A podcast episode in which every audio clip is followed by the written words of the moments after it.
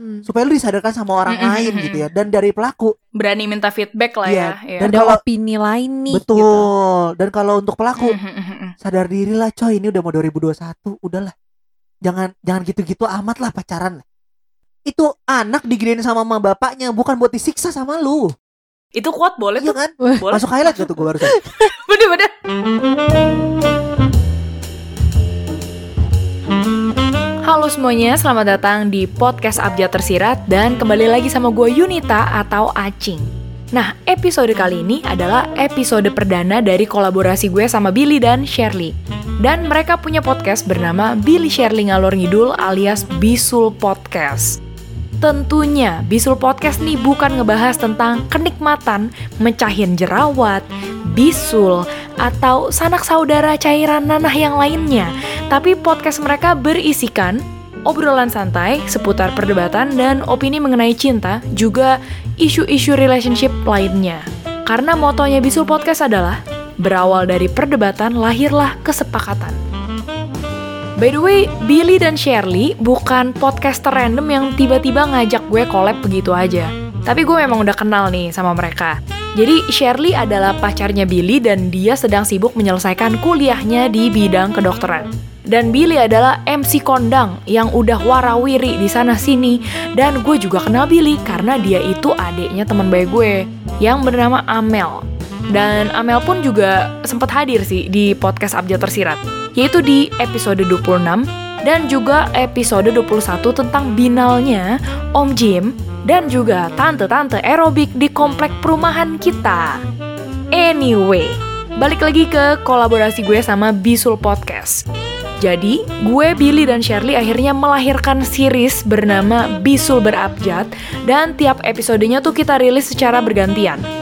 Jadi series pertama udah keluar nih di Bisul Podcast dan di sana kita ngebahas soal FWB atau Friends with Benefits. Dan tentunya series kedua rilis di podcast Abjad Tersirat dengan topik emotional blackmail. Selain itu, kita bahas juga tentang cara untuk bisa mendeteksi cycle di abusive relationship supaya nantinya kita nggak terjerebab lebih dalam lagi bersama orang-orang manipulatif gitu ya. So, tanpa perlu berlama-lama lagi, langsung aja dengerin obrolan kita yang satu ini. Emotional blackmail sendiri kalau di Indonesia itu apa sih maksudnya versi lebih gampang itu apa sih Pemerasan emosi. Bener. Oh. Atau nggak kayak bisa kita bilang manipulasi psikologis kali ya, Ci? oh Iya iya bener sih bener sih.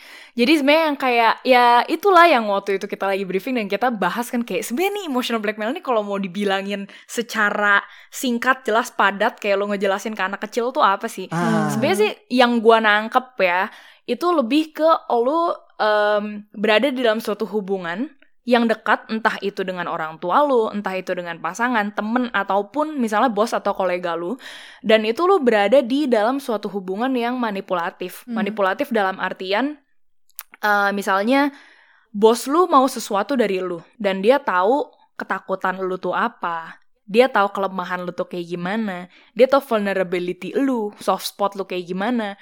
Misalnya, gue sama bos gue, gue pengen banget dapat promosi. Terus tiba-tiba bos gue manggil gue nih, Yunita sini kamu ke kantor saya. Saya tahu Yunita kamu mau promosi. Tapi kalau kamu mau promosi, kamu mesti melakukan sesuatu. Apa tuh pak? Kamu mesti buka kancing kamu. Nah itu tuh yang kayak, gimana ya? Gue mau promosi, tapi bos gue mau badan gue. Oh. Kayak Iya. itu gampangnya ya gitu jadi hubungan yang manipulasi dan itu ketakutan lu segala macam dipakai oleh si orang yang pengen sesuatu Dan dari itu dipakai buat memeras pikiran kita gitu betul. terus terus jadi hari ini kita ngebahasnya tuh dari dimulai dari mana? Dari cerita-cerita sederhana dari yang ada di hubungan yang ada di hubungan teman-teman Hmm. kita sih.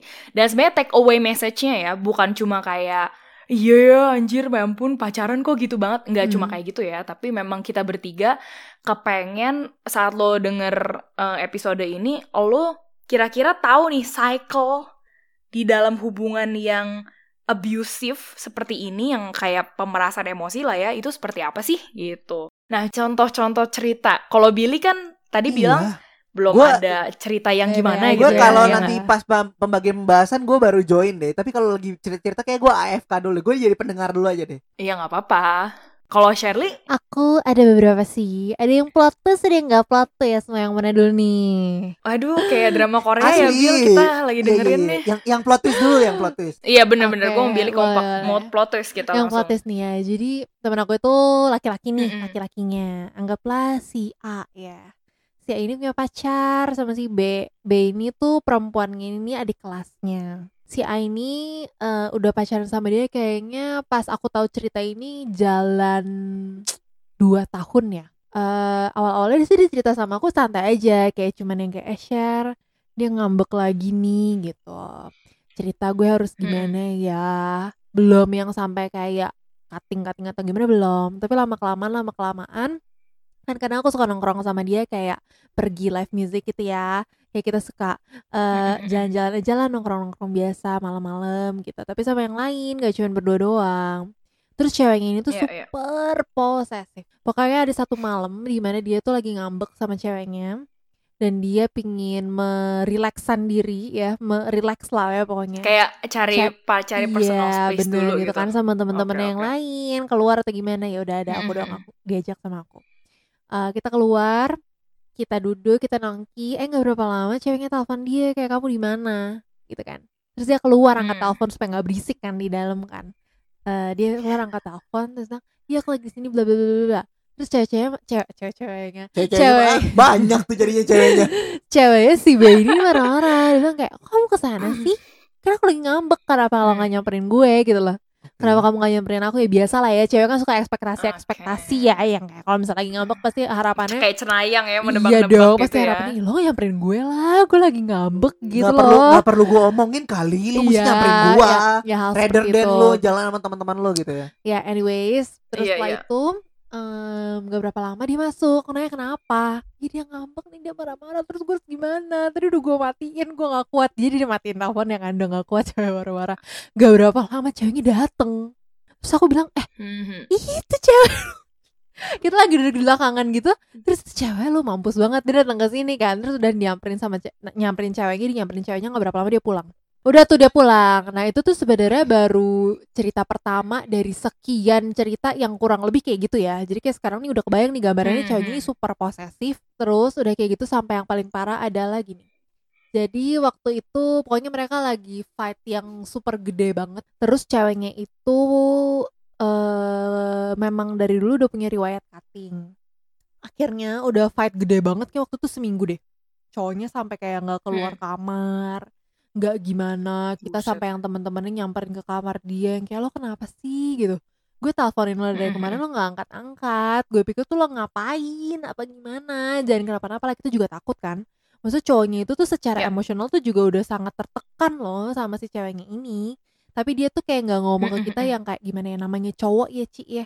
Pengen terlihat Iya. gimana sih strong gitu. Heeh, kayak gue Tegar tuh ya. bisa gitu dalam relationship walaupun kayak gini gue yang harus bisa ngayomin pacar gue intinya kayak gitu Uh, Ya, ya, dia ya, bisa ya. tegar lah depan kita semua kayak gitu tapi kita tahu lah udah lo, lo cerita aja lo ngomong aja emang lagi dalam posisi kayak gimana sekarang ngomong gitu ya udah dia cerita nggak berapa lama akhirnya cewek-ceweknya udah super ngancem banget dan dia nggak pernah mau gitu selama ya, kayak dua ya. tahun itu udah sering banget diancem putus dia nggak pernah mau alasannya adalah klasik coba tebak apa Takut ceweknya ngapa-ngapain. Karena gua sayang banget sama dia. betul itu klasik Basi. banget yang kayak nggak bisa share gue masih sayang banget sama dia. Itu udah itu selalu jawabannya tuh itu doang Ci. Yuk kita kayak dinyanyiin yuk. Bacot. Zuzuzu zuzuzu. Bacot. Zuzuzu zuzuzu. Iya yang kayak gimana ya Ci Gila ngakak kayak banget. kita sebagai temennya yang kayak gue kasihan sama lo tapi gue juga sebel sama lo tapi akhirnya pokoknya singkat cerita akhirnya mereka putus uh kita seneng banget kan mereka putus tapi ini putusnya kayak Iya. udah bener-bener for good nih karena for good kita kayak follow up ke dia follow up Biasa Semuanya pas lagi kayak gue putus Iya, langsung pada Iya. orang beyang ke. biasa gitu. Biasa kalau ada hubungan orang yang toksik, teman kita hubungannya toksik kan terus itu udah nih udah fix banget gue putus. Mantap. Iya. Langsung iya kan langsung kayak kasih Iya, tumpangan iya. kayak punya bisnis Eh, baru konfeti ya yuk, konfeti yuk. kasih Iya. bunga Biar ya. tapi yang jangan salah ya mereka tuh Aduh. sering loh Ci kayak gini tuh sering banget selama dua tahun itu aduh ngakak ngakak tapi tuh selalu kayak putusnya tuh nggak beneran gitu jadi kayak tiga hari putus eh balikan tapi ini kali ini beneran kenapa beneran karena kita tahu karena kayak dua minggu kita follow up mereka masih putus Tapi putusnya kenapa nih di akhirnya? Maksudnya kenapa akhirnya dari dua tahun kan tadinya bolak balik bolak balik bolak tapi akhirnya Kenapa ya putusnya Nah. bisa kayak udah deh aku udah nggak kuat lagi ya. Gue masih nunggu gitu. plot twistnya di mana. Nah, nih. Ayo cepetan ini. cepetan. Yang mutusin ceweknya. Mhm, mhm, mhm. Karena ceweknya selingkuh. Anjir. Ah, yang memang. baru. Berdebah ya. Mohon maaf nih ya. Betul betul. Mohon maaf. Lu yang dari dulu kagak mau putus, sekarang lu yang selingkuh bu gue. Hebat aja deh. Cakep. Tapi bentar bentar, gue mau nanya, gua mau nanya. Tapi waktu itu temen lo yang si cowok ini pas tahu dia selingkuh sedih nggak? Aku jujur waktu itu udah nggak nanya sampai ke situ sih. Aku kayaknya udah terlampau seneng dia putus aja sih. Aku kayak Yang penting resultnya Iya, udah iya. keluar ya Aku- gitu mau nyontek aku- kek, mau iya. kagak, mau apa Iya bodo loh. amat. Gue gak peduli sama lu, yang penting lu udah keluar. aku nggak yang kayak lo sedih gak sih cewek lo selingkuh? Enggak sih, enggak sih. Aku nggak bother eh, nanya. tapi gitu Bill, sih. lu Bill, lu bayangin kalau lu jadi tuh cowok, pasti lu lega gak sih kayak akhirnya Iya, lu ada dulu. jalan putus terserah Bisa lah, dua kemungkinan lu? bisa lega, jus bisa juga dia malah sedih sakit hati karena karena yang tadi Shelly bilang dia itu udah sayang banget sama tuh cewek. Meskipun tuh cewek toksik. Iya iya iya. iya, Makanya tadi gue nanya sama dia, respon temen lu pas tahu tuh cewek selingkuh apa? Bisa jadi kayak anjir gue ditinggal sama dia buat cowok lain. Iya iya benar benar benar benar. Well itu jadi Iya, misteri ya. benar, Mungkin kita bisa undang orangnya. Langsung aja nanti. kita Oh, wow. undangin lah dia si. A. wow. Gak ada ya, gak ada. ya? Gak ada, gak ada. Sorry, sorry. Aduh gila. Tapi oke jadi itu ceritanya berakhir di sana ya plot twistnya. ya? Oke oke. Nah terus nggak yang interesting tuh tadi yang pas gue liat tuh kayak ternyata kadang-kadang ya kalau misalnya kita berada di hubungan yang semanipulatif itu, temen-temen itu tuh sebenarnya yang paling care loh sama lo ya nggak sih? Bener Ci, bener banget. Kayak somehow tuh teman-teman kita yang, Yang- gimana ya, yang, yang lebih- dukung kita loh. Yang lebih realistis pikirannya ya. Eh, eh, bener karena mereka kayaknya di luar ya Iya. Ci. Mereka tuh kayaknya di luar yang jalanin relationship. iya. Jadi ibarat kata masih punya logika ya nggak sih? Padahal teman-teman kayak gitu bisa jadi ntar kalau dia lagi pacaran dia juga kena Iya toksik. iya bener. Emang Tapi toksik yang lain. Iya iya benar Tapi benar. toksik yang lain. Nah cuma nih kalau misalnya dari kalian-kalian ya, kan tadi kita udah ngomongin emotional blackmail itu paling gampang tuh kalau ngeliatin temen kita dan komentarin bener, temen kita. iya, iya, iya, bener iya. banget. Mah goblok, Bener banget. lu mah tolol. Betul. Gue jadi lu mah gak kayak Iya, gitu iya. gitu. Nah cuma menurut lu tuh emangnya bisa ya kita tuh mendetek suatu cycle di mana saat kita berada di cycle itu kita kita kayak hmm kayaknya gue dimanipulasi nih kayak gitu. Apakah mungkin kita notice cycle itu atau enggak menurut lo? Bentar, bentar. Aku sebenarnya mau nanya dulu sih. Emang kalau misalnya emotional blackmail itu ada tahapannya, ada cycle-nya ya? ada Oh, ada. ada. Ada, Ada sih. prosesnya. Kayak kayak misalnya apa ya? Kalau misalnya gua sih, misalnya gue pakai pakai case temen gue ya. Hmm. Tahapannya itu lu di awal-awal tuh merasa seperti gila nih orang worth fighting for. Hmm. Gue bener-bener udah, lu udah berdua emotionally invested. Ini ngomonginnya dalam hubungan relationship pacaran ya. Jadi lo pertama tuh udah merasa kayak emotionally invested. Oh ini cowok beda ya, nggak kayak cowok yang Hmm. lain and stuff like Aku. that. Which means berarti lu kan mesti memberikan kedok seperti eh apa domba berbulu ular. Ah, Salah, iya, ular berbulu domba domba kan. Bukan, maksudnya serigala sih berbulu domba dong, Ci. Serigala kok ular? Iya. Bisa domba juga. Terima ular di mana yang berbulu? Maaf Indonesia aku sudah agak-agak hancur. Untung untung Iya, gua cuma- nyampe tuh tadi peribahasa. Oke. Iya jadi lu tuh cycle-nya awalnya ya kayak gitu ya kayak wah gila ini beda banget ya gitu. Tapi nggak bilang semua cowok yang manis itu seperti yang mau manipulasi lo ya. Cuma by the time lu misalnya udah jalan sebulan, jalan dua bulan, tiba-tiba hubungannya drastis berubah gitu loh. Tapi dengan slowly menjadi serigala berbulu domba itulah cycle pertama gitu. Bukan ular ya teman-teman. Tapi kalau misalnya balik lagi ke pertanyaan Cici tadi yang kita bisa notice atau enggak menurutku susah.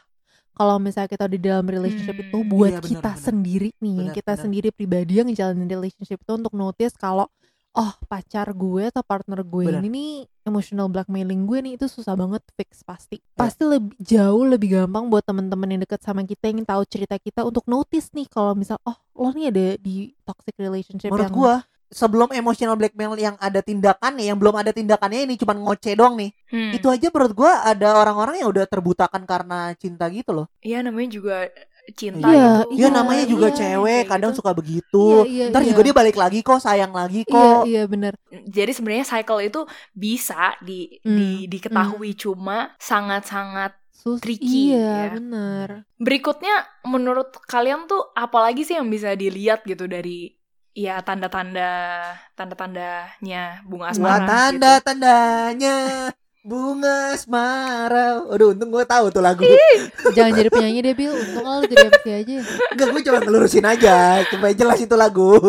Iya ya. Menurut aku tadi setelah Aduh. yang si muji-muji itu em, Pasti ada siklus di mana partnernya yang dalam tanda kutip blackmailing si partnernya yang lain Itu pasti bakal narik dia dari sekitarnya Entah itu temen-temennya, entah itu keluarganya, even Seriusan yang ya? mungkin sampai kronik bisa sampai kayak narik diri dari Oh. keluarganya sih. Eh, Yang pasti yang kayak Mm-mm. merasuki pikiran si partnernya itu kalau Ya. eh gue tuh harus keluar nih gue tuh harus jauh-jauh nih dari keluarga gue gitu tapi nggak kayak nggak kayak main Mhm. kotor yang secara langsung kayak udah kamu jangan tinggal lagi sama papa mama kamu tinggal sama aku Iya. aja nggak yang gitu Tapi mungkin secara waktu kayak sedikit demi sedikit terkikis berkurang sama waktu keluarga. iya pasti Maunya- yang kayak dia tuh bisa yang kayak Mhm. merasuki ke dalam otak supaya pacarnya itu bisa menarik diri dia Iya sendiri iya iya. gitu iya. Eh ma- maksudnya kalau emotional blackmail ini biar ada stigmanya gak sih kayak pasti yang emotional blackmail tuh lebih ke perempuan atau lebih ke prianya enggak ya? Dua-duanya bisa terjadi ya?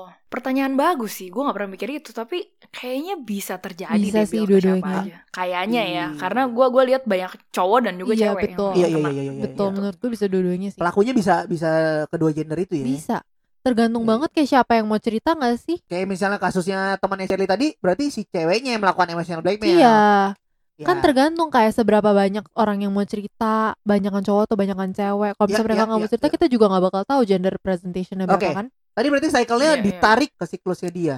jadi keluar dari circle Ke si apa yang dia Iya. mau sih, Iya. iya. Oke, itu sir- itu siklus yang kedua. Terus Mhm. habis itu setelah itu setelah itu biasanya tuh kalau misalnya itu udah berlanjut ya menurutku ini sebenarnya mirip Hmm. kayak abusive relationship cycle ya jadi setelah dipuji-puji setelah dia Hmm. keluar nih eh, yang partnernya ini keluar dari circle keluarga atau teman-temannya berarti kan dia udah isolated Iya. Eh, cuman berdua doang nih pasti dia cuman kayak kalau mau apa-apa pasti carinya pasti si partnernya ini dong setelah ditarik dia tuh pasti udah takut Iya, isolated. pasti dia tuh udah Hmm. di masa di mana ini nih abusifnya udah keluar emotional, Hmm. physical pasti bisa, mental tuh pasti bisa semua pasti Hmm. berhubungan sih secara holistik Secara duit Iya, juga bener. bisa. iya. semua. Udah kayak gitu, udah abusive udah keluar di sana. udah deh terikat deh. Itu udah pasti itu udah pasti terkekang banget. muter-muter-muter-muter terus Mm-mm. dan Jadi- pasti akhirnya kenapa? Pertanyaannya adalah kenapa sebenarnya si partner ini udah tahu nih dia ada dia ada dalam emotional blackmail relationship atau yang abusive relationship bisa kita bilang ya. Heeh. Kenapa dia nggak keluar coba? Enggak, gue belum pernah merasakan jadi gue nggak bisa tahu gue mesti jawab apa. Tapi kalau misalnya secara rasional nggak bisa nggak bisa. Soalnya gue nggak gue nggak bakal mau ada di hubungan yang kayak gitu. Gue pasti udah Hmm, melarikan dari in the first place Iya, lu udah kayak dari- langsung dari melarikan siklus diri ya. pertama pun gue udah langsung oke gue nggak mau. Ya cinta sih cinta, tapi ya jangan goblok gitu loh maksud gue. Menurut Cici Iya, gimana sih? iya, iya. Sebenarnya ada pengorbanan cuma nggak nggak Iya, nggak segitunya iya, lah ya betul. gitu. Kalau gue sih ngerasanya mungkin gue juga nggak pernah gue juga kayak Billy ya posisinya kayak gue at certain degree mungkin pernah berada di hubungan yang manipulatif cuma dalam eh, level yang bisa ditolerir tolerir Hmm, lah gitu hmm, ya. Tapi kalau gue tuh biasanya kenapa orang bisa berasa susah banget kalau dari cowok sih ya. Gue merasa kalau cowok yang jadi korban gitu, gue merasanya karena ya kayak itu tadi pakai contoh lu. Mereka gengsi gitu. Hmm. Mereka mungkin bingung Hmm. ngomongnya gimana, mungkin kayak aduh Hmm. kalau gue cerita ke orang, tapi nanti orang mikir kok lu di relationship nggak bisa jadi leader sih? Kok lu nggak Hmm. bisa mengayomi pasangan lu iya. sih? Takutnya kan digituin. Tapi kalau sebagai cewek, gue merasanya ya nggak tahu ya. Again ini cuma asumsi gue Hmm. doang ya. Itu biasanya udah ada unsur di mana lu udah tidur sama nih cowok. Hmm. Kayak lu udah kasih keperawanan Hmm. lu. Jadi kalau lu mau keluar lu mikir, aduh kalau gua keluar apakah gua akan mendapat cowok yang bisa menerima gua yang sudah tidak kudus Hmm. ini Hmm. gitu. Itu I- itu, itu common iya sih. banget Ih, kayak Se- ya. yang kayak itu that's at the back of your mind. Atau kalau misalnya nggak kayak gitu, yang kedua mikir kayak ya tapi kan keluarga gue udah jauh dari gua, teman-teman gue udah jauh dari gua. Nanti siapa lagi yang bisa ngelindungin gue kalau bukan cowok Ah, gue? Aku setuju banget sih yang tadi yang Cici bilang yang in the back of our mind buat sebagai perempuan ya susahnya jadi perempuan keperawanan tuh meskipun kayak keperawanan ini sebenarnya tuh bisa diartikan dari berbagai macam hal gitu. Virginity itu bukan cuma iya, lo lihat dari selaput darah doang, Bo, nggak gitu doang kan. Tapi mungkin buat orang-orang di luar sana yang nggak punya privilege untuk educated tentang hal-hal seperti ini, mereka masih berpikir seperti itu. Ya sadly seperti itu sih. Tapi seharusnya mungkin menurutku kalau misalnya buat semua orang yang denger kayak gini ya, kalian tuh sebagai perempuan tuh punya harkat dan martabat yang lebih besar sih dari virginity kalian. Kalau misalnya kalian memang pengen Yap, keluar betul. dari relationship itu dan kalian gak happy, you have the right, you have the right to say no to that relationship gitu because you karena again decisionnya tuh di tangan lo, lo tuh sebagai sebuah manusia yang memang bisa berdiri sendiri gitu. Shirley 2020. Yeah, for president. Iya. Jangan ya. Sebenarnya tadi gue mau nanya, gue mau nanya hal itu sih. Eh, tapi udah kejawab juga Mas Yari. Jadi gue punya dua pertanyaan nih. Satu, gimana caranya se- kita sebagai korban bisa, misalnya gini, gue gua di sisi cowoknya, terus ada cewek gue yang melakukan emotional blackmail. Gimana caranya gue sebagai si korban bisa melawan? Satu itu. Kalau gue kalau gue poinnya gue masih sayang nih ya. Gimana caranya gue supaya bisa ngelawan supaya ayolah kita harus keluar dari hubungan emotional blackmail ini. Kita harus sama-sama sadar kalau ya kalau sayang ya sama-sama berkorban, kalau sayang ya sama-sama seneng, bukan lo doang yang seneng, gue gak seneng. Satu itu. Yang kedua, mungkin tadi jawabannya Sherry udah ngomong. Eh, gimana caranya kalau emang udah udah nggak bener nih hubungan? Gimana caranya gue harus keluar dari hubungan ini? Gimana caranya gue memberanikan diri untuk putus gitu. Nah itu sih yang yang gue masih belum ngerti konsep dari emotional blackmail ini. I have the answer sih. Oke, Menurutku, gimana caranya ngelawan? kita butuh orang ketiga. Itu fix. Kita butuh terapis. Tapi sulitnya adalah untuk mengajak pasangan lo ini ke terapis. Belum tentu dia mau. Betul. Kan kita udah ditarik nih sama dia, ya kan? Kecuali memang nih lo bener-bener bisa ngomong baik-baik banget ke dia kayak, ayolah, kita sama-sama sadar. Ini udah gak sehat nih. Kita ngobrol yuk sama orang lain di luar sini supaya kita bisa bener-bener tahu jalan ke depan yang baik buat kita tuh apa. Nah kalau dia udah sampai ke tahap itu, at least dia mau aja deh diajak ke orang terapis atau enggak orang lain buat cerita ya. Aku yakin sih dari situ pasti akan jauh lebih baik harusnya. Kalau gue sih Bill, gue jujur nggak ada solusinya karena again gue nggak pernah, gue nggak pernah berada. Ada apa gempa bumi ya di Jakarta Oh. mungkin? Tadi keinjek. Tadi hampir terbalik laptopnya. Ih, si, Iya, si langsung Ah. diomongin ya. Padahal kita udah berusaha diem. Oke oke, lanjut ya. Jadi kalau kalau di mata gue sih nggak ada jawabannya karena again gue memilih memang ya pokoknya kalau udah dari cycle pertamanya gue kayak ah tai Ya, lah ya, tai ya, kucing ya. no bodo amat gue Ya. kabur pergi gitu Bacot. kan. Zuzuzu. Jadi- Nah, itu gua. Zu zu zu gitu. Nah jadi menurut gue ngapa gue kayak orang Arab ya Biasa aja cuy biasa. jadi jadi kalau menurut gue sih solusi terbesarnya adalah ya udah lu memang mungkin harus melakukan kesalahan itu Hmm, karena hmm, menurut gue the only uh, learning experience yang paling berharga adalah ya lu melakukan kesalahan itu karena tuh orang ya Hmm. orang ya nggak ada tuh udah diomongin terus kayak betul juga ya sepertinya itu tindakan yang tak terpuji nggak mungkin nggak mungkin. Pasti semuanya kayak enggak deh kayaknya lo yang salah kayaknya lo yang jelas gue enggak abis itu Iya, sampai lu udah goblok banget baru kayak sorry ya guys aku nyesel. Iya, gitu iya, baru betul, telat betul, kan? betul, ya betul. udah gitu. Mungkin lo mesti Betul. bikin salah biar belajar. Itu kalau gue ya Terus satu lagi gimana caranya keluar? Kalau menurut Cici tadi kan Sherry udah jawab tuh. Gimana caranya keluar dari hubungan itu? aduh kalau keluar tuh ya itu dia sih gue gue merasa lu bener-bener mesti bikin salah sampai lu ya udah lu emang lu something Oh, bikin salah terus lu Bener-bener lu bikin melakukan- bikin kesimpulan nih lu mau lanjut atau lu harus keluar. Mm-mm. sampai elunya udah jor-joran udah kayak gile duit gue udah habis keluarga gue udah Gue masuk tinggalin. gua atau pokoknya yang sampai parah banget emang itu udah ya udah udah efek ke lu lu nggak bisa balikin apa yang udah hilang baru lu sadar Hmm. ini either gua mati kalau misalnya kasarnya sampai Ya, udah betul, physical atau betul. lu bikin lu mental mau bunuh Betul. diri ya either gua mati atau gua keluar Betul. udah itu pilihan itu kalau lu bener-bener masih peduli sama hidup lu ya lu keluar nggak tahu caranya apa ke dukun kek ke mana kek nggak tahu konsultasi ke mana pokoknya lu pasti cari tahu cara keluar udah Betul, pasti gua nggak tahu tapi caranya Betul, apa ya gitu Mungkin gue sih Kalau dilurusin kayak Shelly bilang ke psikolog gitu lah ya, ke Hmm. ahli ya. Iya, jangan ke dukun, jangan ke iya dukun, dong, jangan ke dukun. Dijampe Psikolog. jampe Iya, say. Mungkin bisa juga ke orang pinter ya, ya. Iya. Yang udah lulus jadi Terserah profesor. dah. siapa tahu psikolog lu kan minum air nyembur di fuh gitu Oh, dia di- dukun juga tuh.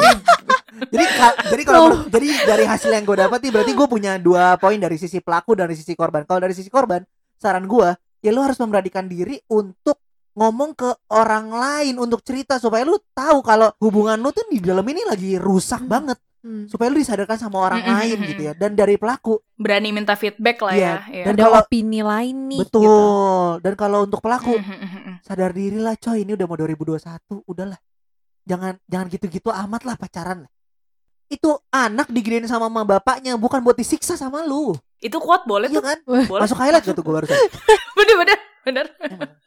gue udah gak tau mau nambahin apa lagi. Make sense sih, make sense. Make sense bener. Bener Dan bener. kayak tadi kalau misalnya mau tambahin dikit ya dari pelakunya menurutku nih karena aku belajar tentang psikologi juga. Walaupun background aku bukan kayak pure psikologi, background kedokteran, tapi menurutku gini.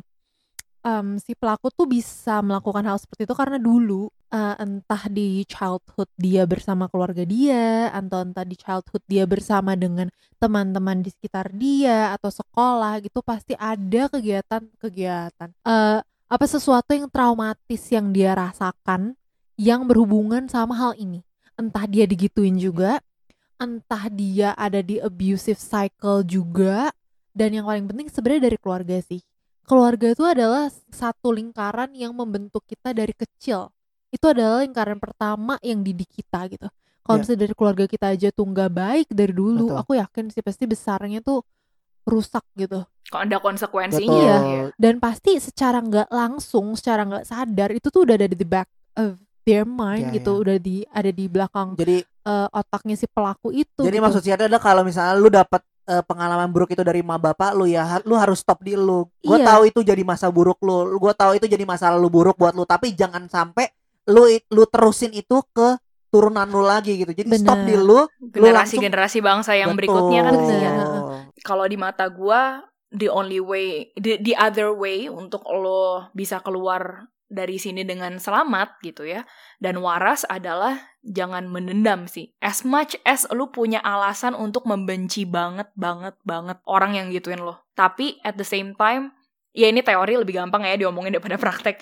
Tapi at the same time kalau lu punya empati dalam arti oke gue ngerti kok nih orang nggak dilahirkan sebagai iblis gitu. Tapi ya sayangnya entah keluarganya yang nggak mungkin mungkin nggak balance entah lingkungan temennya atau entah siapa pun yang membuat dia ternyata mau tidak mau melakukan hal ini gitu loh. Tapi again ya bukan bilang ini justifikasi kalau gue digebukin kayak oh Iya, nggak apa-apa lah gue juga Iya, ngerti kok pasangan gue digebukin nggak apa-apa. Enggak Iya. itu bukan bilang kayak gitu tapi ini untuk bikin lu bisa move on lebih cepat dengan tidak mendendam dengan tidak mikir kayak kok bisa sih dia gituin gue kok bisa sih? Kayak dia juga kalau mau jujur ya mungkin kayak Billy kayak gue juga as much as I want gue pengen mematahkan rantai persetanan ini gitu loh yang terjadi di keluarga gue. Gue gue sebenarnya pengen pecahin tapi sering kali ya bisa. susahnya bukan main Iya. atau dia sendiri nggak sadar kalau ini sebenarnya rantai setan. Betul. Beuh, betul. sedep sedep sedep. Gitu. aduh gila. Udah kali ya kantong kemih gue udah mau pecah ya juga yuk kita toilet break dulu. Oh, sebelumnya dong, sebelumnya, sebelumnya.